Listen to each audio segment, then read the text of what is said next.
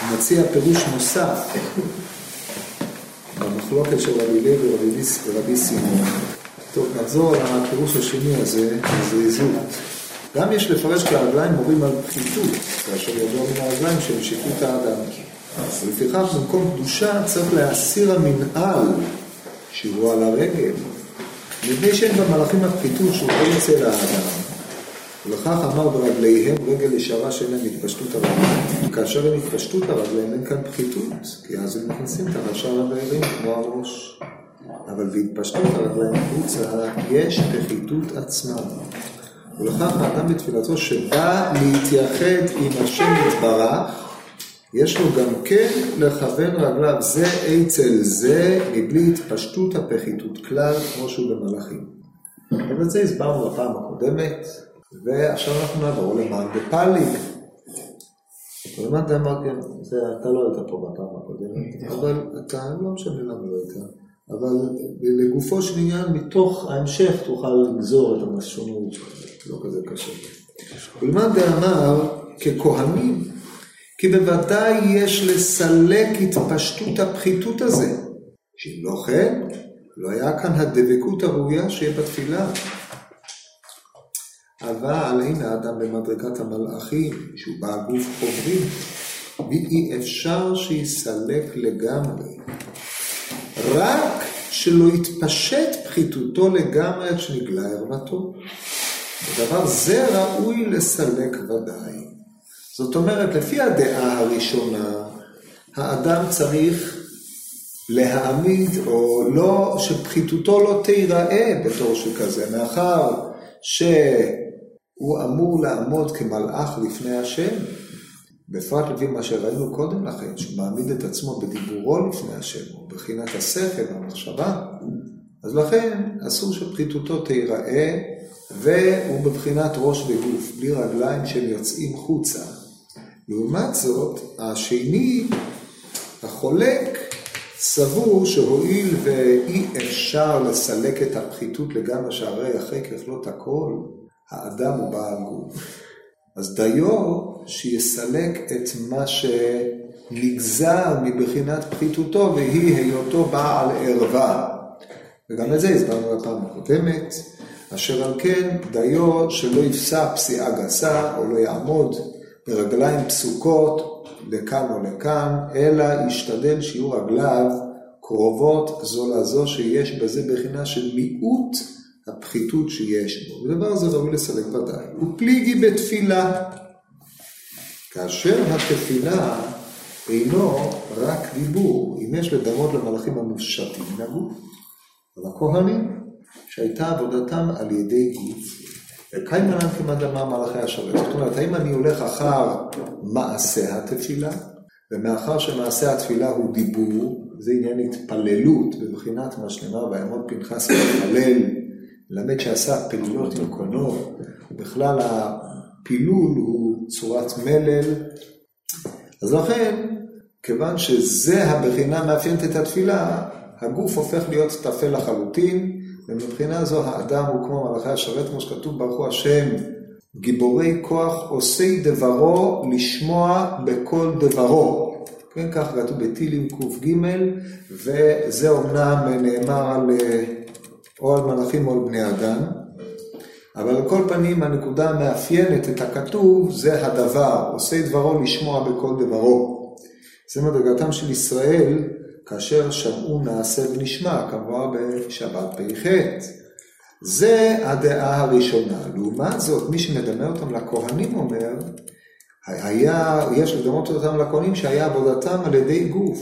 הואיל ותפילה עיקרה עבודה, שהרי זוהי עבודה שבלב, הווה אומר זו תפילה, ועבודה שהיא העבודה העיקרית היא עבודת הכהנים. הרי הסברנו בשבוע שעבר לשאלתך, על שאלת הכאילו, למה אמ, אנחנו, התפילה היא בעיקרה כנגד קורבנות תקנוה, כן?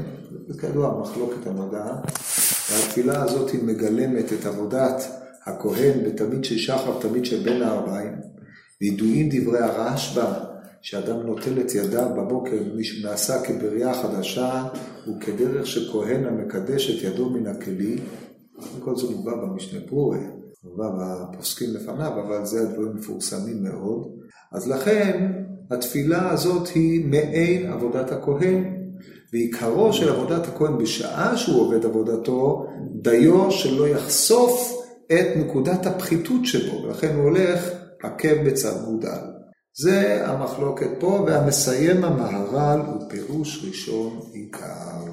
זאת אומרת, לפי הפירוש הראשון, אנחנו, הדיון הוא על התפילה גופה. לפי הפירוש הזה, הדיון הוא האם אנחנו מתייחסים להיבט הדיבור שבתפילה או להיבט העבודה שבתפילה. לפי הפירוש הראשון, אנחנו מדברים על ההיבט של הדיבור גופה. שהאדם נעמד בדיבור ובמחשבה, אלא האם עמידתו לפני השם היא בסילוק בחינת הגשם שבו, או עמידתו לפני השם היא אדרבה בתורת בעל גשם. ככה המהר"ל הסביר את הביאור השני. הביאור השלישי הוא באיזה היבט של תפילה אנחנו בוחנים פה כאשר אנחנו מעמידים את עצמנו לפני השם. אומר המהר"ל, הפירוש הראשון שהוא נתן קודם לכן הוא עיקר, מפני שכמו שאתם רואים לנכון, שניהם סובבים סביב אותו ציר, יסוד הדיבור והשכל.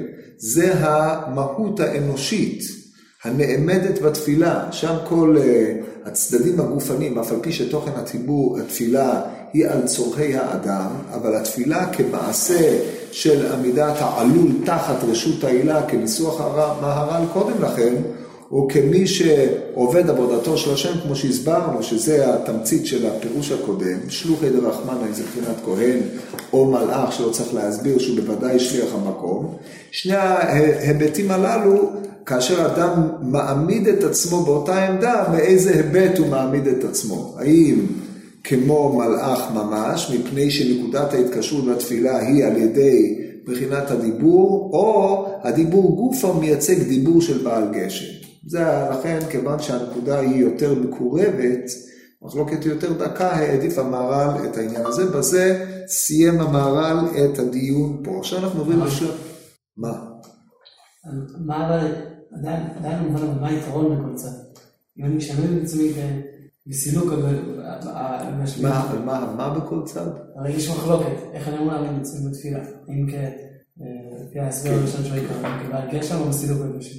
אז מה, יש מחלוקת בכל הצד יש יתרון מסוים שאני עומד מול הקדוש ברוך בתפילה.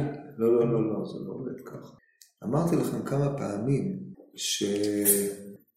שהאדם באשר הוא אדם מולבש גוף, חקרו הפילוסופים, נתחיל את זה ככה. האם האדם הוא עדי, הוא נשמה עדוית גוף, או נשמה עטוית גוף, או גוף עדוי נשמה. עכשיו, כיוון שזה קשה לקלוט בהשקפה ראשונה, אז אני אסביר לכם את זה. האם אני רואה את האדם כנשמה עטוית גוף, האם הגוף הוא מעטפת על הנשמה, או לחילופין, אני רואה את האדם כגוף שיש עליו כתר הקרוי נשמה, משתי בחינות שונות. עכשיו, נקודת התפיסה של המהר"ל היא שהאדם הוא נשמה עטוית גוף. הגוף הוא מלבוש על הנשמה, ברור? עכשיו, הואיל וכך, לאדם יש שליטה על אברי גופו. העמדת אברי גופו באופן המתאים לבחינה שבו הוא מעמיד את עצמו בפנימיותו לפני השם, היא נקודת המחלוקת, היא הנושא המחלוקת, לא נקודה. עד כאן זה ברור? אבל המהר"ל חושב שגם צלם אלוקים שבאדם זה גם הגוף. הגוף הוא גם צלם אלוהים. אתה אומר, שואל, אומר. לא ידעתי, זה דבר חדש. כמה שאני זוכר. בדרך חיים הוא אומר את זה על החביב אדם עברת בצלם. אני יודע, אני לא אומר ככה. אסור לנו דברים כאלה.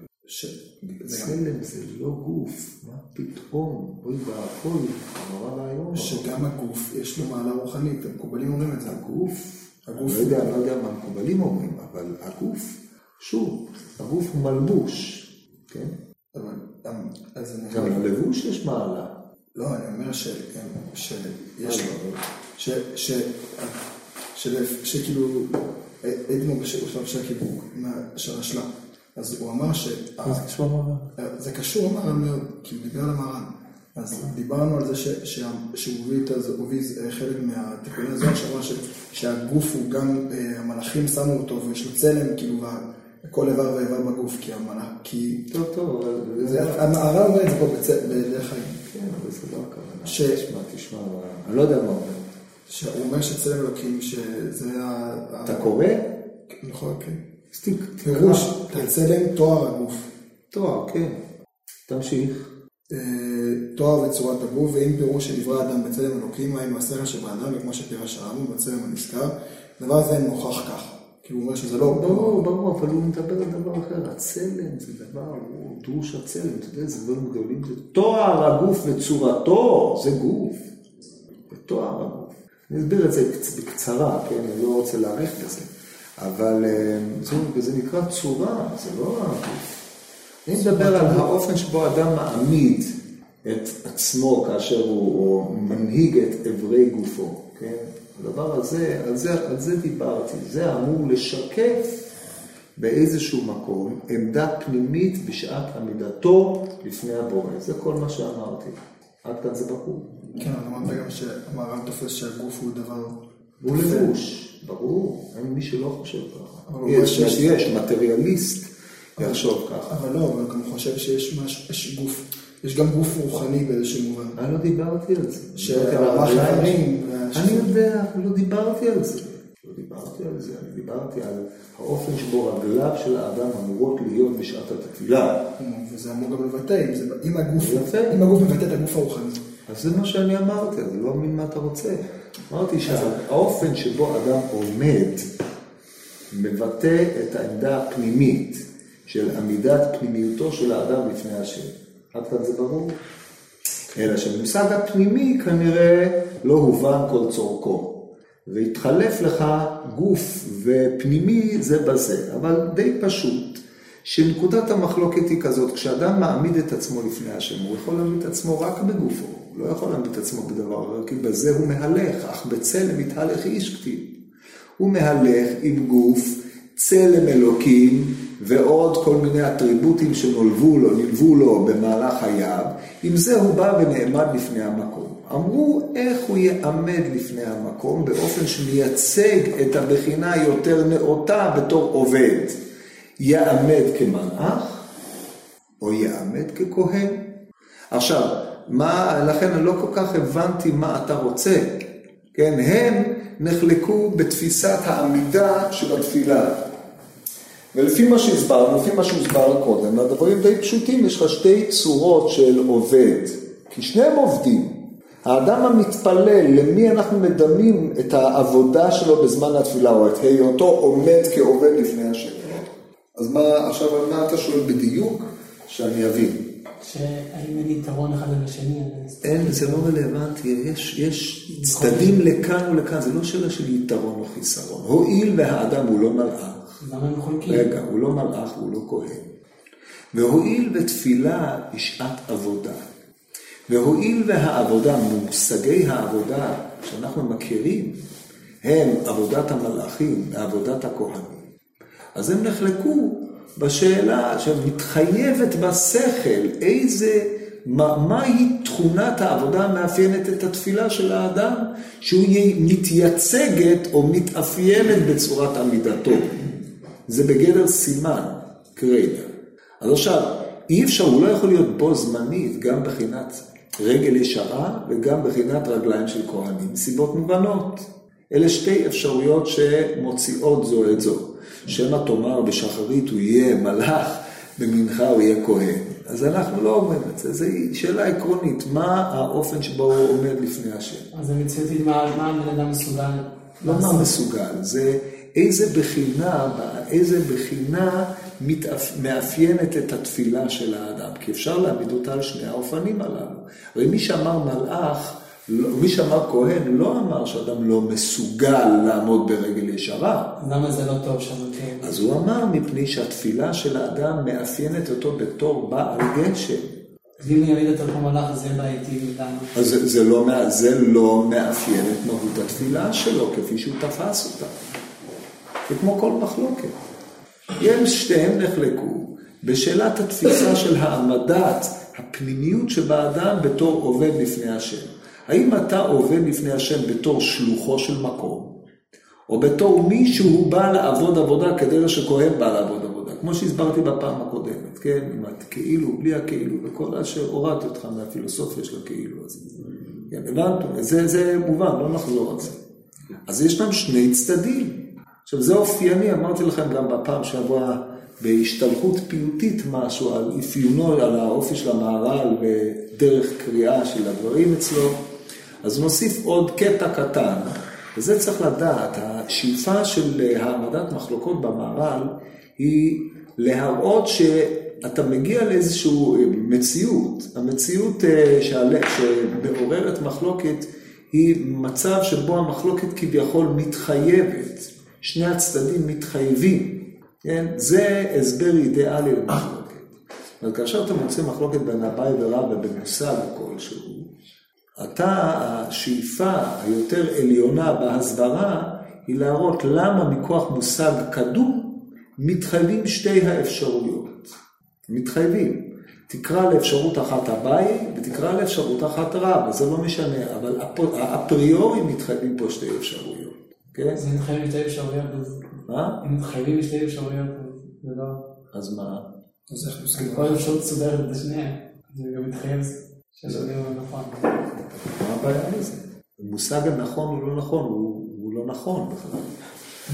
מי שמע אהבת המידה לנכונות, אדרבה, שניהם נכונים.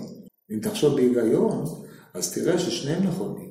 השאלה היא, כמו שרמז פה ידידנו, איך פוסקים הלכה. כמובן השאלה הזאת היא רק שאלה אם אתה תניח שפסיקת ההלכה היא מציאת הנכון מהטעות, כן? אבל זה טעות בעצמו, לכן השאלה לא שאלה, כן? ולכן פסיקת ההלכה היא בנויה על עקרונות שהם אה, לא עקרונות, הם אה, הליכה אחר הרוב, ועוד אילו טעמים שאינם נוגעים אימננטית לגופה של המחלוקת. עד ברייתא שתומכת בדעה אחת ולא דעה אחרת, אז מה? וכי בגלל שהיא תומכת בדעה אחת, הדעה אחרת לא נכונה, אם היא הייתה מתחייבת וכן הלאה, אז הדעה לא ניכנס לזה, זה לא שיעור באיך פוסקים הלכה. אבל על הדברים הללו, זה, זה האופן שבו המהר"ל שואף להסביר דברים. יש בזה נגיעה סקולסטית, משהו, מישהו מבין מה אני מדבר, אבל זה לא משנה עכשיו, זה מה שעושה את זה יפה, מרתק, טוב. זה דוגמה קלאסית לדברים האלה. אתם צריכים להתענג על רוב טובה כשאתם. כן. טוב, לא יכול להיות פה ספציפית במקרה שלנו, שבעצם גם הכוהנים מצווים לעבוד בצורה מסוימת כפועל יוצא של צורה שבה המלאכים עומדים, כאילו שכלומר שהטעמים האלה זה נראה שהם נובעים אחד מהשני. כן, אבל אתה הרי רואה שהמהר"ל דימה את המלאכים לנושאי המרכבה. ואילו את הכהנים, נניח שכהן, הוא לא יכול לעמוד במקום ולעשות את כל העבודות מסיבה מובנת, כן? אשר על כן התנועה במקדש שהיא מאפיינת את האדם הנע כדי לעשות רצונו של מקום, היא זאת שצריכה לאפיין את, היא, מה, היא צורת הנפש שאדם צריך להעמיד בהיותו עומד לפני השם. זה הרעיון שלו. טוב, אנחנו עוברים לנושא אחר. רציתי לשאול, המהר"ל נראה פה נוקט בעמדה שהמלאכים הם יותר טובים מהכוהנים. הם מעל הכוהנים במעלה שלהם, אך הוא לא, כאילו זה לא דעה שלו בכללי, שהוא חושב שהכהנים, כאילו, הכהן באיזשהו מובן יותר מעל המלאך, כאילו האדם מעל המלאך, המדעם השלם הוא מעל המלאך, ובטח בעבודת המקדש שמייצגת הרבה דברים, הגוף מייצג את כאילו צורה העליונה של בית המקדש. זה, זה, כאילו, המה, המה, כאילו זה, הדעה שלו היא שהאדם הוא מעל המלאך. אתה אומר, שואל, מה אתה עושה? זה גם שם בדרך חיים, אותו אחד דרך חיים. אותו דרך חיים, אומר ש... צורה, שצלם אלוקים באדם זה שהוא מעל, חביב אדם מהמלאך שנברא בצלם. והצלם זה תואר הגוף, וזה ממש בדיוק מה שהכהנים עושים. הם משתמשים בגוף שלהם החומרי ומבטאים אה, את ה... ולכן הם מעל המלאך. ופה נראה שהוא אומר ההפך, שכאילו המלאך יותר טוב מהאדם, ועדיין הולכים לפי המלאך. הוא כאילו אומר, האדם גרוע יש לו גוף, אבל שם הוא אומר שהגוף הוא ביטוי ל... למהלכים יותר גדולים, וזה שאדם בגוף זה הופך יותר טוב מהמהלך. טוב, אז מה, מה אז שנתרץ את השאלה הזאת. כן. אז אני, נראה לי שזה עובד ככה. בתור עובד, מדרגת העבודה של המלאך גבוהה ממדרגת העבודה של האדם. אבל העבודה שהאדם עובד גבוהה משל המלאך. המלאך בתור עובד, בתור שליח, הוא נטול פניות. ואילו האדם לא נטול פניות, אפילו כהן יכול לחשוב מחשבת פיגול בעת העבודה. יש לו ערווה, יש לו צד עצמי, יש לו אגו, יש לו רדיפה אחרי מי יהיה הראשון, מי יהיה האחרון, כמעשה ביום המפורסם, וכן הלאה, זה הדרך. ולכן כאשר האדם מתנקם מכל אבלי העולם הזה, הוא מגיע לעמוד לפני השם. אז באיזשהו מקום הוא מעמיד את עצמו כמוכן לעבודתו, המוכנות שלו איננה כמלאך, אלא פחותה משהו, נכון? מי גילה רע זה לבניי שמלאכי השרת משתמשים בו?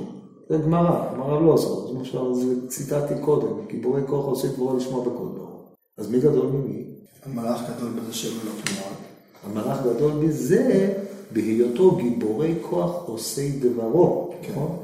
אבל בשאלה מה, מה הנפקות היוצאת מן העבודה, מה שקרוי בפנימיות, מה שקרוי שהאדם מעלה אה, מן למעלה ומחולל פלאים בעולמות העליונים להוריד שפע, זה מלאך לא יכול לעשות.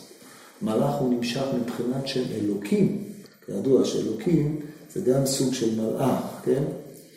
ואילו האדם, נפשו של האדם מישראל דמתה, וצלם המשוך עליו, המחבר תרי"ג איברים פנימיים וחיצוניים, וניצוץ אלוקות שיש לו, שהוא יסוד הצלם, שהוא החיבור בין שני החלקים הללו, זה נמשך משם הוויה, שהוא הרבה יותר פנימי.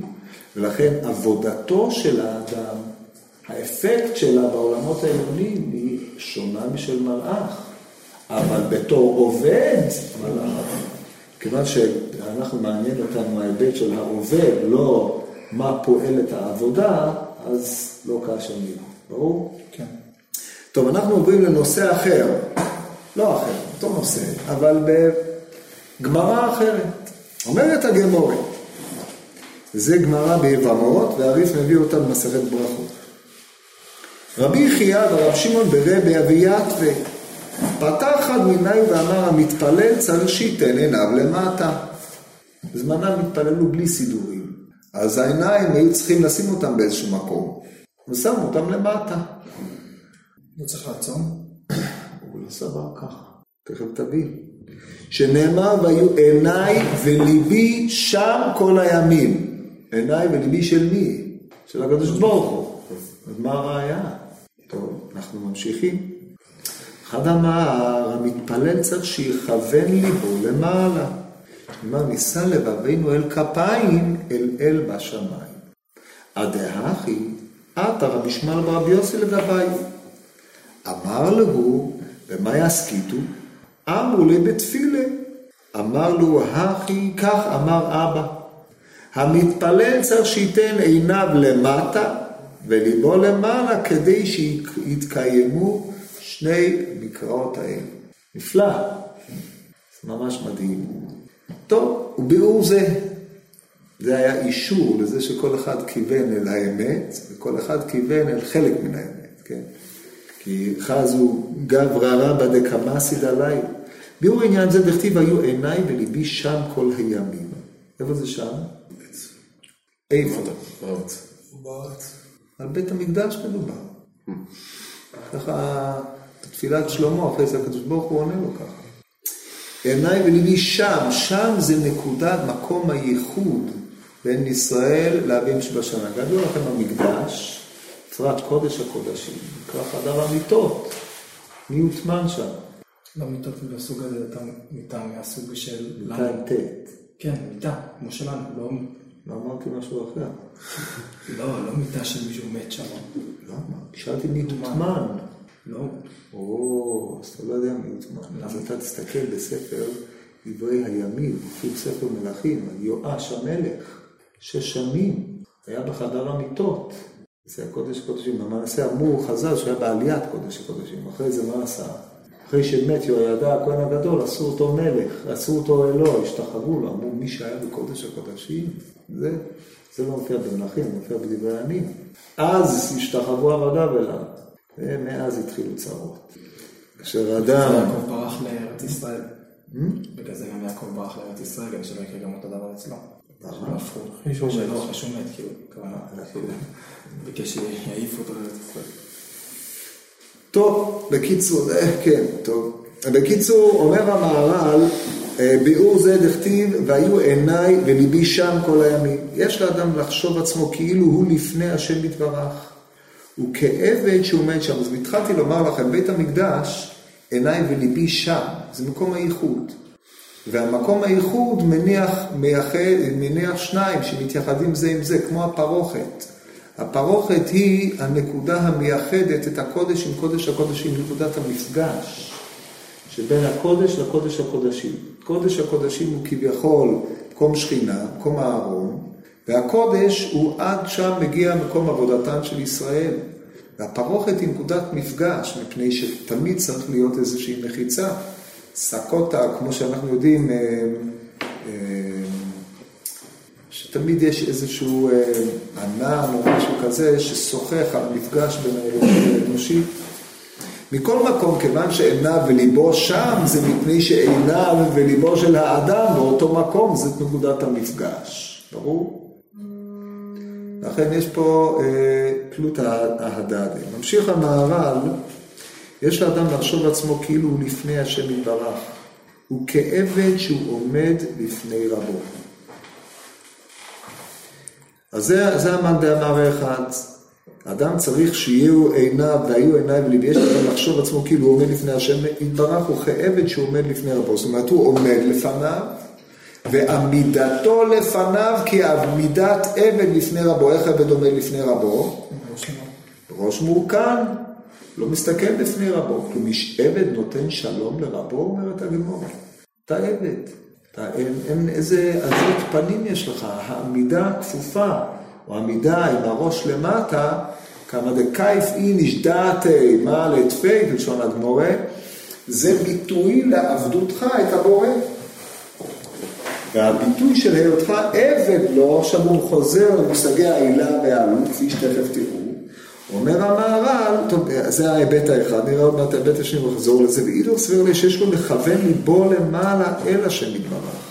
כאילו משתוקק ומתאווה אל השם יתברך, לפיכך יכוון ליבו למעלה. אז עכשיו יש פה כביכול שכינה מצויה בשני מקומות, או שהיא בשמיים בבחינת כי הוא בשמיים ואתה בארץ, על כן יהיו דבריך מעטים. אתה נמצא פה, ואתה מכוון את הלב שלך, משתוקק אליו, זו השתוקקות של ייחוד, של אתה למטה והוא למעלה. אבל יש מאידך גיסא בחינה של אתה עומד מולו. זה שני תנועות, שתי תנועות שונות בנפש. אומרת הגמור... למטה כאילו זה ישר אז? למטה זה ישר? מול, זה בדרך כלל ככה, לא? אתה עומד מול, שכינה, איפה השכינה? לא, אבל הוא אמר שהפנים יהיו למטה, לא מולך. אני מדבר, יש בחינת לב ובחינת פנים. גם הלב הוא אמר למטה, לא? זה בשמיים. אמרנו, יש לך בעיות דפדוף שם, אבל אה, ליבו למעלה, כן? אה, אבל בסוף זה היו עיניי וליבי. זה ביחד. כן. מחובר באותו מקום. נישא לבבינו אל כפיים. לא... צריך שייתן את עיניו למטה, שנאמר והנה עיניי וליבי שם. כלומר, העיניים והלב זה כאילו אותו כיוון, שזה... כן, אבל הלב אף פעם לא למטה. מה זאת אומרת? אתם תכף תראו. הוא מתרץ שיקיים שניהם, שייתן עיניו למטה וליבו למעלה. כי התפילה, מה שהאדם הוא העלול וצריך אל עילתו. וידוע כי מצד שהוא עלול, יש להיות עיניו למטה, כמו העבד שהוא עומד לפני רבו שעיניו למטה. אמנם מפני שהאדם נתלה בעילה, צריך שיהיה ליבו למעלה, אל העילה, לכך יהיה ליבו למעלה. כלל הדבר. מה שעיניו למטה, בשביל כך יש עליו משפט העלול, שהוא עומד ביראה לפני עילתו. רק מפני כי העלול נתלה בעילה, לכך העלול נושא ליבו אל עילתו, שכל אחד נושא ליבו אל מי שהוא צריך אליו, שאדם צריך אל השם יתברך בתפילתו וזה מבואר. זאת אומרת, יש פה שני, כמו שאמרנו, שני תנועות, שתי תנועות. התנועה הראשונה היא עמידת האדם לפני הבורא יתברך. עמידתו של האדם לפני הבורא יתברך היא כעבד העומד לפני רבו. בפרט אם נחזור לעובדה שהתפילה היא בחינת עבודה, והיא הצורה היותר אה, מובהקת של עבודה, כמו שהמהר"ל אמר בפרק הראשון, אז העמידה של האדם כעבד מבטאת את העובדה שהוא עלול העומד בפני עילתו. זאת אומרת, הוא צריך להעמיד את עצמו כעלול לפני העילה. זאת הנקודה הראשונה. העמדת העלול לפני העילה, בלי להיכנס עכשיו למושגי התלות, היא המושג של עבד העומד בפני רבו. זה היו עיניי וליבי שם כל הימים. אז כמו שאתם שואלים בצדק, זו שאלה טובה מאוד, אמרה לי, לא התייחס אליה בפסקה הזאת בכלל. מה קורה עם הליבי שבעיניי, עיניי וליבי? אז עכשיו בואו נראה. עיניי וליבי שם כל הימים, זה בחינת השגחה. עיני השם המשוטטות או משוטטים, שני פסוקים, בארץ זה בחינת השגחה. זה העיניים. ותעיינו במורה נבוכים בשיתוף שם עין, תראו מה הוא כותב. לעומת זאת לב, שם יורה על המחשבה או על הרצון. וכאשר ליבי שם כל הימים, דהיינו רצוני במקום הזה. עכשיו, כאשר השם סילק רצונו מן המקום, כביכול סילק את ליבו ועניינו מן המקום, מה קרה למקום? חרב. אשר על כן, עיניי וליבי שם כל הימים מחייבים את האדם שעומד בפני השכינה, לעמוד כמישהו שעומד תחת מישהו שמשגיח עליו, שזה בחינת האדון והעבד. הרצון של הבורא יתברך וההשגחה שלו מחייבים את האדם לעמוד כעבד לפני בוראו. זה בקצרה ההיבט הראשון. העמידה הזאת עצמה היא העמדתו כעלול בפני עילתו. עכשיו, העמדת האדם כעלול בפני עילתו היא תנאי הכרחי לשלב הבא, הוא שלב התלות של העלול בעילה, זאת אומרת, העניין של נושא ליבו למעלה. נושא ליבו למעלה זה השתוקקות של האדם אל, או השלמה של האדם על ידי עילתו. אבל עד שהאדם לא יעמיד את עצמו כעלול בפני עילתו, הוא לא יכול לתלות, או, או ליבו לא יכול להיות נתון למעלה. ואלה שני הדברים הללו שמשלימים זה את זה. זאת אומרת, קודם כל עיניו למטה, כעומד עבד העומד בפני רבו, ובזה הוא מבטא את היותו עלול, ולאחר מכן ליבו למעלה כבקשת העלול מעילתו, או כתלות העלול בעילתו. ככה אני מבין את מה שהוא כותב. לכן הוא אומר שזה הסדר. כלל הדבר מה שאינם למטה, בשביל כך יש עליו משפט העלול, שהוא עומד ביראה לפני עילתו. מפני שכל עלול ירא מפני העילה, דהיינו הוא מכיר במעלת העילה על גביו, זה מה שקרוי יראת הרוממות. כמו שכתוב אפילו חלש שבחלשים למעלה, אימתו על חזק שבחזקים למטה.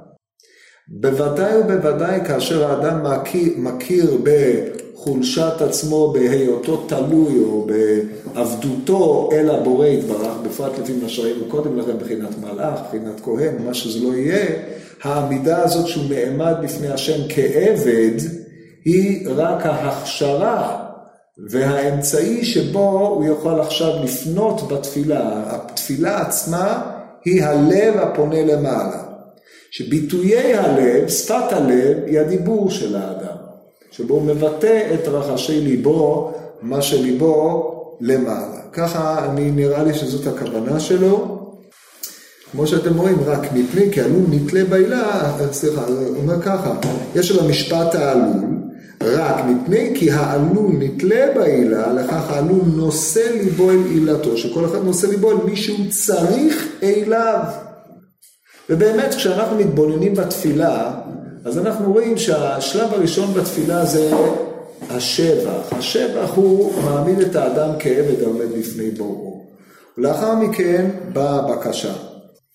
טוב, החלק, המאמר הבא הוא משלים את המאמר הזה בצורה יותר עמוקה. בפרק כהן גדול, אמר רבי שמעון חסידה, המתפלל צריך שיראה עצמו כאילו שכינה כנגדו, כן, בלשון הרמב"ם יראה עצמו עומד בפני שכינה, כן, לא מדמים את השכינה, לא מציירים אותה, מדמים את עצמו, יראה עצמו עומד בפני שכינה, ככה הרמב"ם, ופה יראה עצמו כאילו שכינה נגדו. איפה זה? איפה הוא צריך להיות בשביל זה? איפה שכינה עומדת נגדו? בדיוק, הוא רואה את עצמו קודש הקודשים, כמו שדורשת הגמרא בברכות בלמד, תלפיות. כאילו שכינה נגדו, דבר זה, הוא אומר, וזה כי התפילה היא התחברות העלול עם העילה, שלב הבא.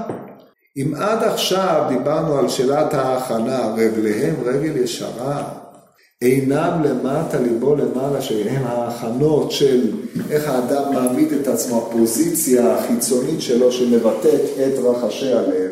עכשיו אנחנו מגיעים לשלב הבא. תפילה היא התהוות, באמת תפילה, השורש של תפילה, יש לה כמה וכמה היבטים, אחד מהם זה לשון התחברות, על דרך מה שכתוב, נפתולי אלוקים נפתלתי, מחותי גם יכולתי, פרש רש"י, מנחם חיברו בלשון במחברת פתיל, עיקש ופתלתול, כן? בלשון התחברות. וככה הוא מפרש, נפתולי אלוקים נפתלתי משהו כזה, הוא אומר, זה לשון התחברות. תפילה יש לה גם כן מימד של התחברות. אחרי שעשית את ההכנות הראויות, ביטאת את עצמך כעבד העומד בפני רבו, מי שמוכן למלא את השליחות המוטלת עליך, ותלית את עיניך, או הורדת את עיניך כעבד, ולבך תולה למעלה, כמבין שכל עצמך תלוי בו, אז מגיע שלב ההתחברות של העילה עם העלול. הייחוד, והייחוד, אה זהו, צריך ללכת עכשיו. כן, הייחוד זה המדרגה היותר עליונה שיש. זה הדבקות היותר גדולה שיש בתפילה, שהיא הייחוד שבעבודה. את זה אנחנו נראה לא עכשיו, אנחנו, לא שבוע הבא, בעוד שבועיים, שבוע הבא אני לא אהיה. אז מה שאני מבקש מכם, יש פה, במאמר מוסגר, יש פה פסקה מרתקת ביותר. תקראו עד עמוד צ"ג בפרק כל כתבי, כל זה עד אבא בנימין, היינו בזה יפה, יש פה דברים מאוד מעניינים.